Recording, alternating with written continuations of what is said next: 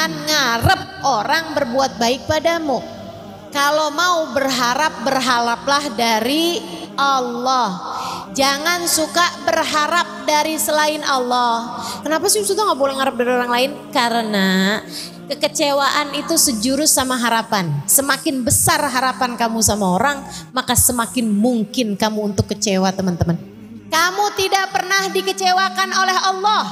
Kamu sebenarnya dikecewakan oleh harapanmu sendiri.